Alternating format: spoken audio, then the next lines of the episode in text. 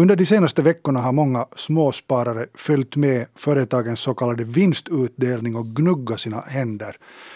Dividenderna är nu jättestora, större än åtminstone på många år. Det talas till och med om rekordstora dividender.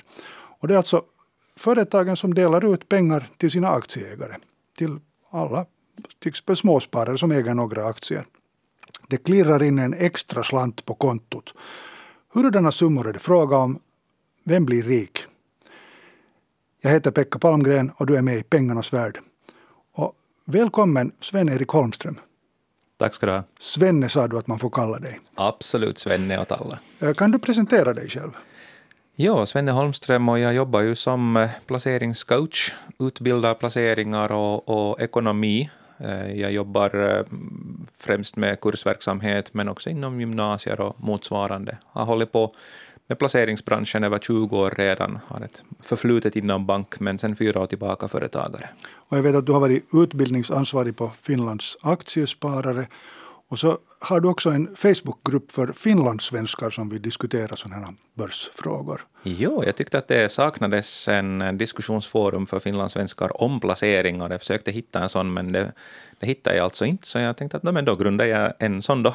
Och där är nu över 600 medlemmar och hoppas på att den växer. Och det, det är bra nivå på diskussionen där. Alltså man kan diskutera allt kring placeringar och ekonomi där. Att det är inte bara börsaktier utan allt. Är det så Svenne att man kan be dig om eh, goda tips vilka aktier det lönar sig att köpa? Det kan man tyvärr inte. Eh, jag jobbar ju som placeringscoach då, alltså då på banktiden så då gav jag naturligtvis råd, men eh, det här är alltså lagstadgat så det är någonting jag inte sysslar med för tillfället. Däremot så fokuserar jag mer på att finnas där i bakgrunden. Att till exempel istället för att direkt ge råd om Fortum eller Kone eller vad man ska köpa eller sälja, så fokuserar vi då på att eh, vad är det som gör att ett bolag är förmånligt eller på vilket sätt den passar in i en placeringsstrategi och funderar liksom mera utgående från, från utbildningssynvinkel hur det hela hänger ihop. Och det gör ju då att ansvaret faller fullständigt på placeraren själv att välja de där bolagen som man vill investera i. Ja, jag, jag, jag tog upp det här just för att alla vet inte att, att det är faktiskt lagstadgat att vem som helst får helt enkelt inte ge ge tips eller ska vi säga placeringsråd uttryckligen. Så är det och då när man jobbar inom branschen lite som jag så är tröskeln lite lägre också att, att uh, redan små tips och blink på ögonen så räknas ju som placeringsråd så jag är väldigt försiktig. Okej. Okay. Eh, nu till saken. Alltså, nu har jag tittat på företag som berättar om eh, sina dividender, om vinstutdelningen. Till exempel Marimekko betalar 4,60 per aktie. Kesko ungefär 4 per aktie, Kone 4, Sampo 4, Nordea 8 cent. Men det där däremot är, är ju Nordeas aktie eh, mycket billigare än till exempel Marimekkos aktie. Alltså för, vill du köpa en Marimekko-aktie så kostar det ungefär 72 euro just nu. Det här priserna förändras ju hela tiden men ungefär. Och jag började fundera att, nej men hej, att om jag en gång får eh, till exempel 4 euro per aktie i utdelning och dessutom liksom håller kvar den här aktien. Så det är ju som att äta kakan och hålla den kvar. Att det borde ju då löna sig att äga just sådana här aktier. Eller vad säger du Svenne? Ja, eh, det finns forskning på den här och det kan man konstatera att bolag som lyckas höja sin dividend över tid, så det avkastar också bättre än marknadsindexerna i snitt. Så det är absolut så att bolag som, bolag som belönar sina ägare så är sådana bolag man borde investera i. Det, det, gör jag själv också. Jag prioriterar väldigt långt dividender. Att eh, helst ska bolaget betala en dividend för att den ska komma med in i min portfölj. Jag, jag började tänka på det att att om jag till exempel äger 100 Marimekko-aktier så får jag redan, uh, hur mycket får jag då in på konto? 460 euro. 460 euro. Uh, och, och då har jag aktien kvar. Så är det. Uh, det är ju en investering på 7200 euro i dagens läge. Och det som brukar hända då när bolaget delar ut den här dividenden är att bolagets aktiekurs brukar komma ner. Man pratar om dividenddippet. Så i och med att det här 460 far från bolagets kassa in till din kassa så kan ju inte bolaget vara värt 460, eller äh, det måste vara 460 mindre värt. Så då betyder det att eh, normalt sett så kommer ju aktiekursen ner, så nettobehållningen är ganska lika eh, före skatt visserligen. Vad menar du med nettobehållningen? Om du tänker att du har 72 euro i aktien och sen när 4,60 delas ut så borde aktiekursen sjunka med 4,60. Just det. Och det kan man, sådär historiskt så brukar det här dividenddippet som vi brukar prata om, så det brukar vara i storleksordning med aktiekursen, lite större än aktiekursen, kanske 1,1 gånger aktiekursen. Eh, det som man också kan konstatera att den här återhämtningen brukar ske ungefär på en 40 dagar. Så att 40 dagar senare har du alltså dividenden fortsättningsvis på ditt konto, eller om du återinvesterar den då redan, plus att eh, aktien har återhämtat sig, så den har farit från 72, 72 euro ner till 67 euro och upp tillbaka till 72 euro om inget lustigt sker. Alltså, då är det smarta skulle ju vara då att köpa mm, till exempel då Marimekko eller Kesko eller Kone eller Sampo Nordea eller något annat bolag som man vet att kommer att betala ut en stor dividend, en stor vinstutdelning, köpa strax inför, kamma in det där vinstutdelningen och sen sälja bort efter 40 dagar. I princip så, men det, det som förstås man, man missar då är den där kursuppgången, att du, du är ju med en bråkdel av tiden, så min rekommendation är nog att sitta och ruva på pengarna och ta både eh, direktavkastningen och värdeförändringen. Och, och då talar du om en långsiktig värdeförändring? Minsann, ja. Det, tittar man på riktigt, riktigt lång tid så ja, alltså sådana här hundraåriga grafer, så då förklaras över 90 procent av alla avkastningar från återinvesterade dividender men på kortare sikt också så den här liksom, det att du tar dividenden och återinvesterar den, den har en enorm betydelse. Så att jag rekommenderar varmt att dels att vara med och sen när dividenden kommer in på konto att återinvestera den. Förstås om du har behov av att använda någonting annat, då är det ju så. Men annars lönar det sig att köpa tillbaka så fort som möjligt. Det kan vi ju konstatera att dividenden kommer in på konto ungefär åtta dagar efter att dividenden har lossnat, men det finns ingen garanti på det. Vissa är jätteslöa på att betala. Jaha. Till exempel Pfizer betalar med 30 dagars eh, fördröjning till exempel. Nu har jag bara koncentrerat mig på inhemska bolag. Eh, det skulle vara intressant också att diskutera lite mer internationellt, men jag kollar här att ungefär 80 bolag eh, i Finland har meddelat att de betalar ut dividender av de som vi nu har nämnt här så, så de är sådana att de har betalat extra mycket. Men, men 80 bolag betalar ut dividender överhuvudtaget. Går det att, alltså det är på sätt och vis en dum fråga, jag tänkte fråga att går det att leva på de här dividenderna? Men den rätta frågan är kanske att hur mycket ska man liksom satsa på aktier för att man helt och hållet ska kunna leva på dividender? Har, har du någon summa i huvudet? Ja, det finns olika summor nog. Att eh, det, eh, för det första behöver vi titta på den egna kostnadsstrukturen, hur mycket pengar du använder, och det styr ju också det här eh, behovet. Men nu brukar man ju nästan säga att det ska vara där i knuten av en miljon euro. Dividendavkastningen är ju påfallande hög i Finland. Vi kan lätt få över 3 procent, 4 procent. Och då tänker vi alltså 30-40 000 före skatt. Och då är vi ju inne på en medellön efter skatt, så det, det borde fungera. Men sen eh, om vi tänker till exempel på amerikanska bolag, där är dividendavkastningen betydligt sämre och den har ju kommit ner under de senaste 70 åren. Det var brytningsskedet var 1956, efter det har den sjunkit trendmässigt.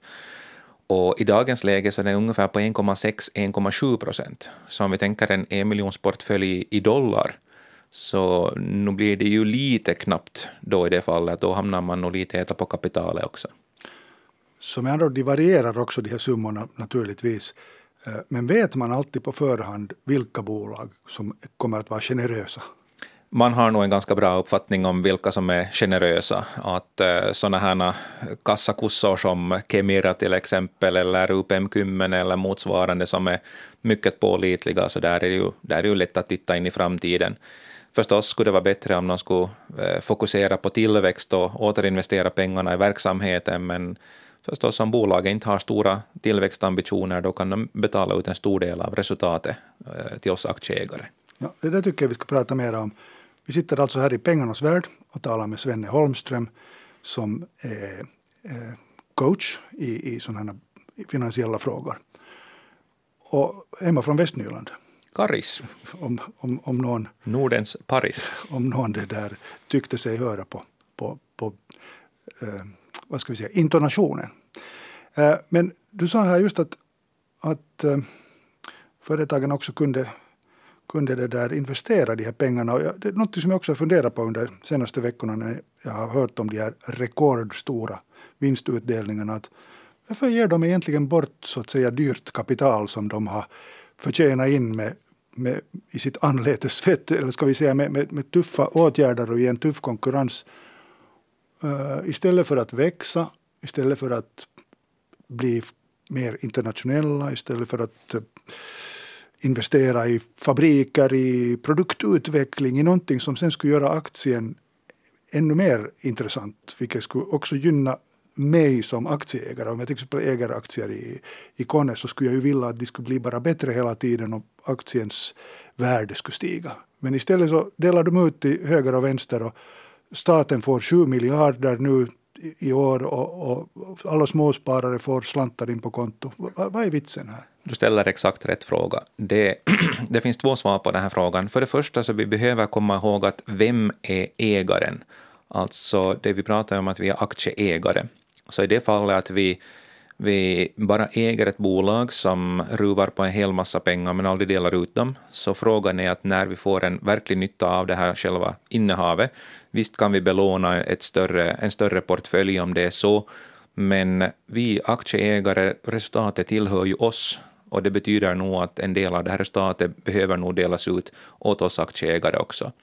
Sen är ju en viktigare fråga, tycker jag, att, att eh, det här liksom förhållandet mellan att hur mycket som delas ut åt oss aktieägare och hur mycket som investeras i framtiden. Och det här är ju beroende på bolaget. Du nämnde Kone.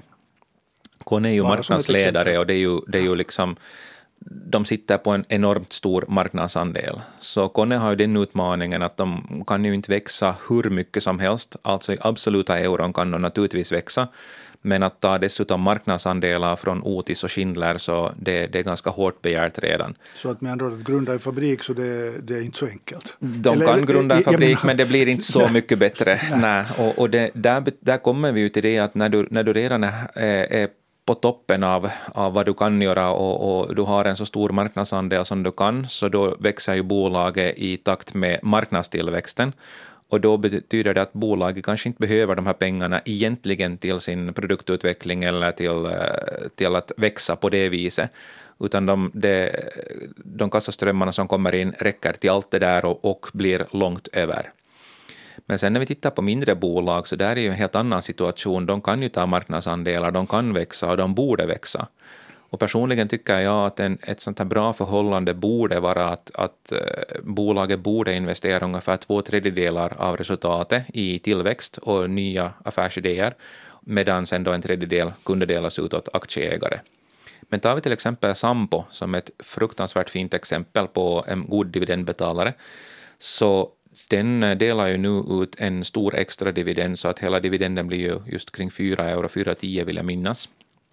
Och där hade jag själv hoppats på att, att den här extra dividenden som är i storleksordning 2 euro, att den hade återinvesterats i, ja, i någon business, helt enkelt att de hade köpt upp någon, eh, förse, något försäkringsbolag eller, eller gjort några andra kapitalmarknadsinvesteringar som på sikt skulle ge mera åt dig och mig som aktieägare. Men det gjorde de alltså inte. Och det säger då åt mig att är det nu så då att bolaget har försökt köpa upp någonting, men konstaterar att priset har varit helt enkelt för högt. Och ett bolag ska absolut inte ingå sådana investeringar där avkastningen på det investerade kapitalet blir för dåligt. Och då är det ju, mm. om det helt enkelt är så att, att det de vill köpa, att det prissätts så högt att det är ingen idé att gå med med, så då kan man lika gärna dela ut det här eh, kapitalet. Äh, den här vinsten då. Men det måste jag nog säga att finska bolag är påfallande generösa dividendbetalare och det skulle, det skulle vara bättre om de skulle i större grad återinvestera de här i verksamhet och, och ny business, i, må, i den mån det helt enkelt är möjligt. Jag tänkte på att hur mycket är, så att säga, vad ska vi kalla det, politik, att det är ju småsparare har, har ju ingen betydelse i de här sammanhangen, utan det är de stora ägarna som dikterar hur, hur de stora bolagen gör. Eh, att finns det liksom ett tryck där också på att, att eh, stora ägare vill, till exempel nu staten, finska staten, finländska staten vill ha helt enkelt pengar i kassan. Helt säkert är det så. Dessutom pensionsbolagen har ju också utgifter och de vill ju också få in, få in då direktavkastning så att, de, så att de kan snurra verksamheten. Eh, de behöver ju inte hela direktavkastningen men, men åtminstone delar av den för att dela ut åt, eh, nuvarande pensionstagare och för hela systemet att hålla igång det. Och pensionsbolagen är ju de stora ägarna i Finland. Riktigt så är det. De, du hittar Varma och Ilmarinen och motsvarande bland med de fem största i mm. så gott som alla bolag. Mm. Men jo, det finns ett visst tryck också på att betala ut, men jag kan tycka att, att man borde kanske mera, att styrelsen i bolaget borde mera utgå från sin egen synvinkel, att, att vad är vad vill bolaget göra, vart vill man driva bolaget? Och hur vill man göra den här tillväxten? Istället för att bara liksom suga ut de här bolagen. Det finns några bolag som, eller ska vi säga i Finland så är väldigt många av våra bolag är ju väldigt cykliska, konjunkturskänsliga, och de har ju som policy många gånger att, att dels betala en stigande dividend och dels en viss procent av resultatet vilket ju fungerar utmärkt då när, när vi lever i en högkonjunktur, men så fort konjunkturen vänder så får de problem med båda, båda de här villkoren. Och ett bolag som, ändrade sin, eller som kommer att ändra sin dividendpolicy är ju Harvia, som har haft just en kombination av eh, hur stor utdelningsgrad och sen den här stigande dividenden. Och nu tar de bort den här utdelningsgraden, vilket är perfekt. Och det leder då till att om man, de här bolagen, om det hushåller väl med dividenden och, och de höjer den måttligt, den här dividenden över tid, så kan, har de ju chans på att bli dividendaristokrat i något skede. Eh, dividendaristokrat är alltså i Finland det att du höjer dividenden 10 år på raken. Mm -hmm. I USA så är det 25 år på raken. Okay. Och har vi att tillverka bastuugnar? Ska vi de tillägga. tillverkar bastuugnar, ja, så det går nog att göra business på riktigt vad som helst. Och de, deras aktiekurs har ju stigit under de senaste åren märkbart. Hör till de som, som har varit riktiga raketer. Jo, det, det, det där bolaget och några till har ju varit totalt fenomenala. Eh, ännu en fråga som har att göra med det här som, som jag vill att du skulle reda ut. Samtidigt när bolagen berättar om sina dividender så berättar också vissa bolag att de köper upp sina egna aktier. Varför? Det är också ett sätt att eh, ha en utdelning. Alltså bolaget kan eh, genomföra den här utdelningen egentligen på tre huvudsakliga sätt. Dels att dela ut dividender, som är ju en andel av resultatet. Sen kan det finnas kapitalåterbäring, då tar man från egna kapitalet, sånt som inte behövs för verk verksamheten. Du kan jämföra det med en väldigt fin maskin som står i en knut, men ingen får använda den och den har ingen, ingen sysselsättning. På samma sätt så ska överblivet, eller överloppskapital också delas ut. Och det tredje, eh, är de här två, motsvar, de här två utdelningssätten så är ur en privatpersons synvinkel kapitalbeskattade så att 25,5 procent går ju raka vägen till skatt eller om du har över 30 000 inkomster så är 28,9 på överstigande. Men eh, det här köp av egna aktier, så det är skattetekniskt det mest effektiva sättet att göra en utdelning. För de, bolaget köper upp de här aktierna makulerar dem i bolagsstämman, vilket då gör att din ägarandel i bolaget ökar utan att du själv köper mera aktier. Just det, för att det blir färre aktier överhuvudtaget och då är min aktie mera värd. Det, det är precis så ja. som det kommer att gå, ja. men det finns ju det här, det kanske mest tragiska exemplet är väl Nokia som har bränt av miljarder och åter miljarder på det här, för det finns absolut inga garantier för att det här fungerar. Om vi igen tänker ur en långsiktig aktiesparares synvinkel, så visst är det väl så att eh, för att vi ska dra liksom en konkret nytta av det euromässigt, att pengar kommer in på konto, så då borde vi väl få pengar till vårt konto. Annars mm. så är vi ju inte aktieägare, utan vi är aktieförsäljare. Mm. Ja. Eh, jag förhåller mig ganska neutralt till köp av egna aktier. Jag tycker att eh, dividender är kanske det mest straightforward sättet att se på den här utdelningen. Ja, vi kan konstatera att uh, det har gått bra för de finländska företagen eftersom de delar ut så mycket i, i, i dividender, det vill säga vinstutdelningen är stor. Uh, skulle det gå dåligt så skulle det ju inte kunna delas ut uh, på samma sätt åtminstone. Jag menar, så du sa just att man kan göra på olika sätt men i princip så är det ju, funkar det så att om, om man inte gör vinst så inte delar man ju ut någon vinst då heller. Riktigt så, så är det och det, ja. det som kan vara ett litet tips här åt alla aktiesparare där ute det är nämligen så att aktiekurserna fluktuerar ju en hel del, men dividenderna fluktuerar betydligt mindre. att eh, då när, då när det faktiskt går dåligt så inte kommer dividenderna ner på överhuvudtaget på samma sätt som börskurserna. Så den här eh, dividendströmmen är mycket, mycket mer stabil än själva aktiekursutvecklingen, vilket då stöder också långsiktigt ägande. Det sa alltså Svenne Holmström som är finansproffs och, och coach i de här frågorna. Tack för att du kom hit i, idag. I snöoväder får man väl säga. Tack för att jag fick komma.